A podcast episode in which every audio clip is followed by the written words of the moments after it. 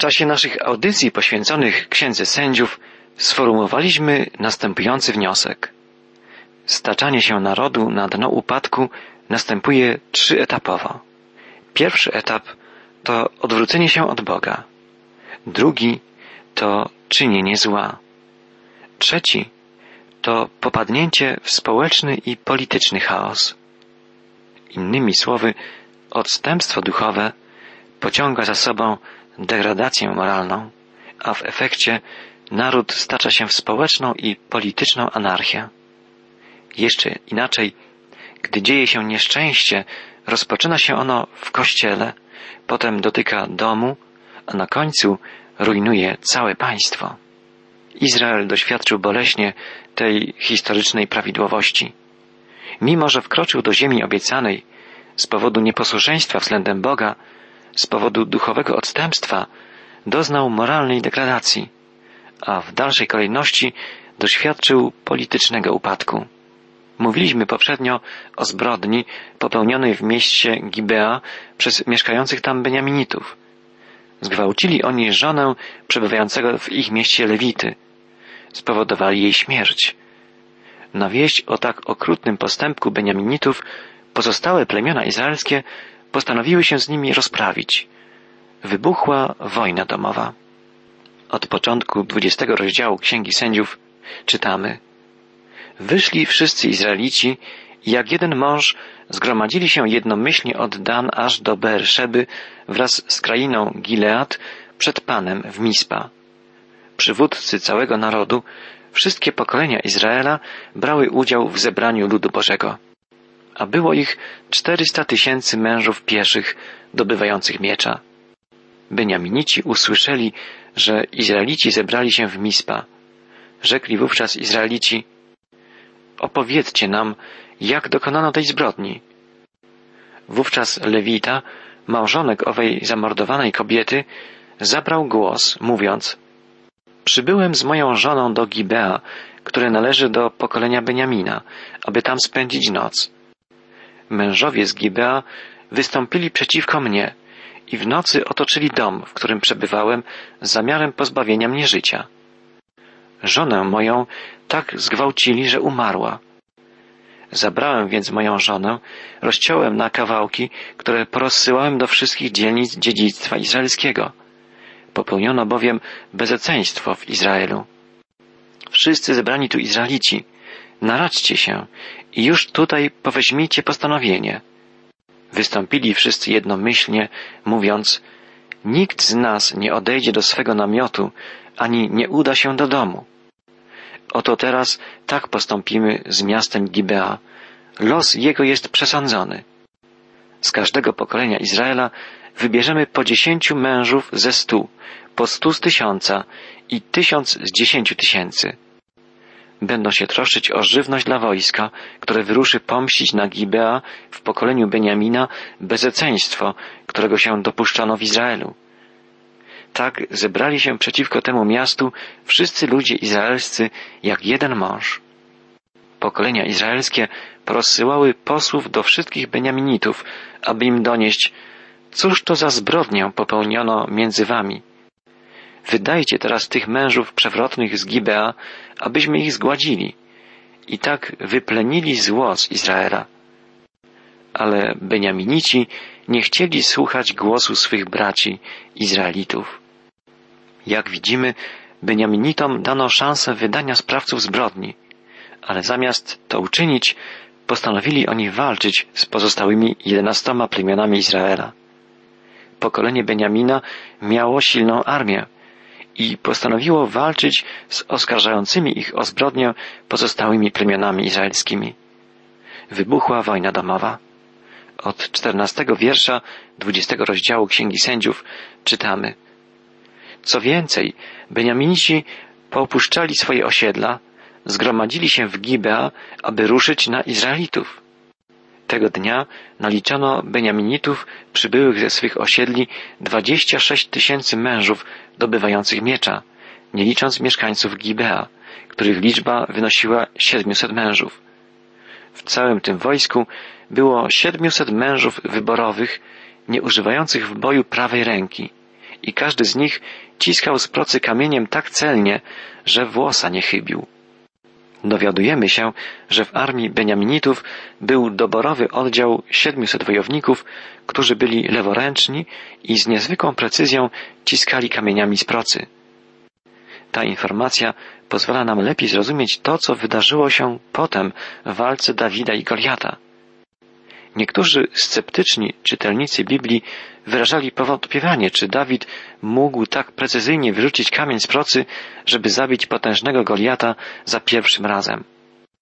Tutaj czytamy jednak o siedmiuset wojownikach, którzy ciskali z procy kamieniami tak celnie, że nie chybili włosa. Nic dziwnego, że mimo liczebnej przewagi trudno było pozostałym plemionom izraelskim pokonać wojowników Beniamina. Czytamy dalej od dziewiętnastego wiersza począwszy. O świcie wyruszyli Izraelici w drogę i rozbili obóz naprzeciw Gibea. Potem Izraelici, przygotowawszy szyki przeciw Beniaminitom, stanęli gotowi do boju przeciw Gibea. Lecz Beniaminici wypadli z Gibea i dnia tego porazili dwadzieścia dwa tysiące Izraelitów. Beniaminici odnieśli w pierwszej bitwie zwycięstwo. Zginęło wtedy dwadzieścia dwa tysiące Izraelitów. Pomyślmy, jaka to tragedia, kiedy giną tysiące ludzi w bratobójczej walce. Mimo wszystko Pan polecił Izraelitom kontynuować wojnę, bo zło, które rozrosło się w plemieniu Beniamina, musiało zostać wyplenione. I ostatecznie Bóg dał Izraelitom zwycięstwo. O tej końcowej rozprawie z Beniaminitami czytamy od 44 wiersza, a więc w końcowej części 20 rozdziału Księgi Sędziów. Wtedy poległo z pokolenia Beniamina 18 tysięcy mężów, mężów walecznych. Z tych zaś, którzy uciekli w kierunku pustyni ku skale Rimon, zabili na drogach pięć tysięcy mężów. Następnie dopędzili tych koło Gideon, gdzie znów zabili ich około dwóch tysięcy. Wszystkich z Beniamina poległo tego dnia dwadzieścia pięć tysięcy mężów dobywających miecza. Byli to wszyscy mężowie waleczni. Tylko sześciuset mężów mogło się schronić na pustyni na skalę Rimon, gdzie pozostawali przez cztery miesiące. Plemię Beniamina zostało niemal unicestwione. Czytamy w ostatnim wierszu dwudziestego rozdziału. Potem mężowie izraelscy powrócili do Beniaminitów w mieście, zabili ostrzem miecza od mężczyzn do bydła, wszystko co znaleźli. Spalili też wszystkie pozostałe miejscowości, jakie napotkali. Plemię Beniamina zostało niemal zupełnie zniszczone. Taka była cena, jaką przyszło zapłacić narodowi izraelskiemu za moralną degradację, moralny upadek. Wojna domowa pochłonęła po obu stronach po kilkadziesiąt tysięcy ofiar. Jak wielką tragedią było to, że tak wielu walecznych Izraelitów musiało polec. Pokolenie Beniamina należało do wyróżniających się w Izraelu walecznością i znaczeniem. Pamiętamy, że Beniamin był najmłodszym synem Jakuba. Obok Józefa był najbardziej przez Jakuba Izraela ukochanym synem. Tragiczne, że w wyniku bratobójczej walki pokolenie Beniamina zostało niemal unicestwione. Wielkie zepsucie moralne Izraelitów doprowadziło do wybuchu konfliktu pomiędzy nimi. Wojna domowa, toczona przez bratnie plemiona izraelskie, pochłonęła dziesiątki tysięcy ofiar. To klasyczny przykład na to, że upadek moralny narodu pociąga za sobą jego rozbicie w sferze politycznej. W Izraelu zapanowała anarchia, zapanował chaos. Nieszczęście, jak pamiętamy, rozpoczęło się od odstępstwa duchowego, od odwrócenia się od Boga. Potem postępowała ciągle degradacja moralna, a w końcu doszło do politycznego upadku całego narodu. Ostatni rozdział Księgi Sędziów opisuje sytuację, jaka nastała po zakończeniu wojny domowej w Izraelu. W początkowych wierszach ostatniego, dwudziestego pierwszego rozdziału Księgi Sędziów czytamy Mężowie izraelscy złożyli w Mispa taką przysięgę. nikt z nas nie wyda więcej córki za żonę Beniaminowi. Udał się więc lud do Betel, gdzie trwał przed Bogiem aż do wieczora, podnosząc lament i zalewając się gorzkimi łzami. Mówili, Panie, Boże Izraela, dlaczegoż zdarzyło się to w Izraelu, że dzisiaj ubyło w nim jedno pokolenie? Żal Izraelitów jest objawem solidarności pokoleń. Z jednej strony trzeba było wyplenić zło przez zastosowanie surowej kary, ale z drugiej strony trzeba było również pomyśleć o tym, by pokolenie Beniamina nie wyginęło. Izraelici byli więc rozdarci i stanęli w obliczu wielkiego problemu. Nie chcieli oddawać potomkom Beniamina swoich córek za żony z powodu wielkiej niemoralności, jaka wśród Beniaminitów panowała, co ujawniło się w czasie tragicznych wydarzeń, które spowodowały wybuch wojny domowej. A z drugiej strony nie chcieli dopuścić do tego, by przestało istnieć jedno z pokoleń Izraela. W szóstym wierszu dwudziestego pierwszego rozdziału Księgi Sędziów czytamy dalej. Izraelici żałowali Beniamina, brata swego, i mówili, odcięte zostało dzisiaj jedno pokolenie od Izraela. Co uczynimy, aby pozostałym dostarczyć kobiet, gdyż my związani jesteśmy przysięgą wobec Pana, że nie damy im córek naszych za żony. Izraelici złożyli ślubowanie, że nie dają swoich córek za żony Beniaminitom. Ich plemię zostało prawie doszczętnie zniszczone. Pozostało tylko kilkuset mężczyzn. W jaki sposób ma więc nastąpić odbudowa tego plemienia? Jak Beniaminici mają znaleźć dla siebie żony, skoro wszystkie pozostałe plemiona odmawiają im prawa do poślubienia swoich córek? Izraelici, żeby rozwiązać ten problem, skorzystali z faktu, że przed wybuchem wojny domowej podjęli jeszcze jeden ślub, że ten ród, który nie przybędzie na zgromadzenie w Mispa, poniesie śmierć. Zgromadzenie przed Panem w Mispa miało doprowadzić do zjednoczenia całego Izraela. Okazało się, że nie wszystkie rody tam przybyły. Od dziewiątego wiersza czytamy Gdy bowiem przeliczano lud, stwierdzono, że nie było tam nikogo z mieszkańców Jabesz w Gileadzie. Zgromadzenie wysłało więc tam dwanaście tysięcy walecznych mężów, nakazując im idźcie i pobijcie mieszkańców Jabesz w Gileadzie ostrzem miecza, także kobiety i dzieci. Pozostawiono jednak przy życiu czterysta panien, dziewic, i one zostały później żonami Beniaminitów. Mężczyzn z pokolenia Beniamina było jednak więcej niż czterystu. Nie wszyscy więc mogli znaleźć dla siebie żonę spośród dziewcząt z Jabesz. Ale i temu zaradzono. Przeczytajmy o tym, jak to się stało. W ten sposób postąpicie. Obłożycie klątwą każdego mężczyznę i każdą kobietę, która obcowała z mężczyzną. I znaleźli wśród mieszkańców Jabesz w Gileadzie czterysta młodych dziewic, które nie obcowały z mężczyznami przyprowadzili je do obozu w Shilo, znajdującego się w ziemi Kanaan. Następnie całe zgromadzenie wysłało przedstawicieli do synów Beniamina, zebranych na skalę Rimon, aby oznajmili im pokój. Wówczas wrócili Beniaminici i dano im za żony zachowane przy życiu kobiety z Jabesz w Gileadzie. Lecz nie było ich dosyć dla wszystkich. A lud litował się nad Beniaminem, że Pan uczynił wyrwę w pokoleniach izraelskich. Rzekli więc starsi zgromadzenia, co uczynimy, aby sprowadzić żony dla tych, którzy pozostali, gdyż zgładzone zostały kobiety w pokoleniu Beniamina? Nadto powiedzieli, jak zachować resztę Beniamina, aby pokolenie nie uległo zagładzie w Izraelu? My nie możemy dać im córek naszych za żony. Przysięgli to bowiem Izraelici, niech będzie przeklęty, kto da żonę Beniaminowi. Rzekli więc, oto co roku jest święto pańskie w Shilo. Leży ono na północ od Betel, na wschód od drogi wiodącej z Betel do Sychem.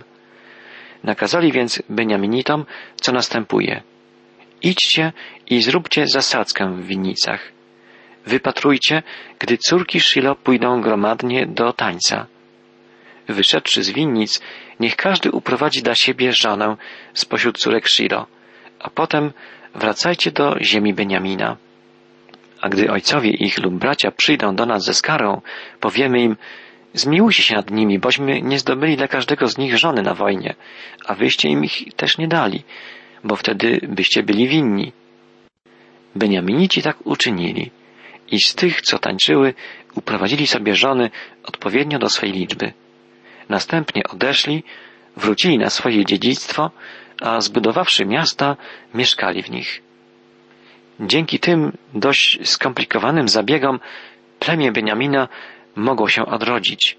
Powstały nowe rodziny. Odbudowano miasta zniszczone w czasie wojny. Jednak gdy przemyślimy te wszystkie sprawy, musimy stwierdzić, że ogólny stan ludu izraelskiego był bardzo zły. Panowało zamieszanie, chaos, mnożyły się nieporozumienia, brakowało jednolitego przywództwa, moralność była na bardzo niskim poziomie. Końcowy wiersz ostatniego rozdziału Księgi Sędziów, a więc końcowy wiersz Księgi Sędziów w ogóle podsumowuje ten stan następującymi słowami. W owych dniach nie było króla w Izraelu. Każdy czynił to, co było słuszne w jego oczach. Dobrze by było, gdyby współcześni przywódcy państw przeczytali Księgę Sędziów i zastanowili się nad jej treścią. W latach dwudziestych, w czasie wielkiego kryzysu, w czasopiśmie Wall Street Journal ukazał się artykuł o następującej treści. To, czego dzisiaj potrzebujemy, to nie zmian w rządzie, nie bardziej scentralizowanej gospodarki czy większej demokracji, ale duchowego odrodzenia. To, co najlepszego mogłoby się wydarzyć, to aby znów, jak kiedyś, cała rodzina mogła się zebrać wieczorem i wspólnie rodzice, dzieci, dziadkowie mogli porozmawiać, przeczytać urywek Biblii, pomodlić się, pośpiewać i zachęcić się wzajemnie do ufania Chrystusowi i do okazywania sobie wzajemnej miłości. Te słowa nic nie straciły na aktualności. I dzisiaj, tak jak w czasach sędziów, tak jak w czasach wielkiego kryzysu, duchowa przemiana człowieka, duchowe odrodzenie rodziny jest kluczem do uzdrowienia moralności społeczeństwa, do uzdrowienia gospodarki kraju i do zapewnienia państwu stabilności, równowagi politycznej. Chodzi o prawdziwe, autentyczne, szczere odrodzenie, zwrócenie się ku Bogu. Wtedy nastąpi duchowe przebudzenie, odrodzenie się moralne, a później w efekcie uzdrowienie gospodarcze, ekonomiczne, społeczne i polityczne. Zawrócenie ze złej drogi musi dokonać się podobnie, jak nastąpiło wejście na tę drogę. Jak pamiętamy, zło rozpoczyna się, podkreślaliśmy to już wielokrotnie, w sferze duchowej. I to jest pierwszy etap upadku. Potem, w wyniku odwrócenia się od Boga, następuje moralna degradacja jednostek, rodzin, całego narodu. I to jest etap drugi. A w końcu cały naród ogarnia chaos społeczny i polityczny. Nastaje anarchia, całkowity upadek narodu.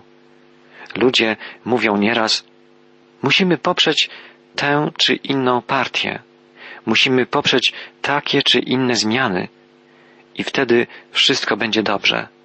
Nie. W ten sposób niczego nie poprawi się tak naprawdę. To, od czego trzeba rozpocząć, to odnowa duchowa. Trzeba rozpocząć od uzdrowienia samego chrześcijaństwa, od odrodzenia duchowego ludu Bożego.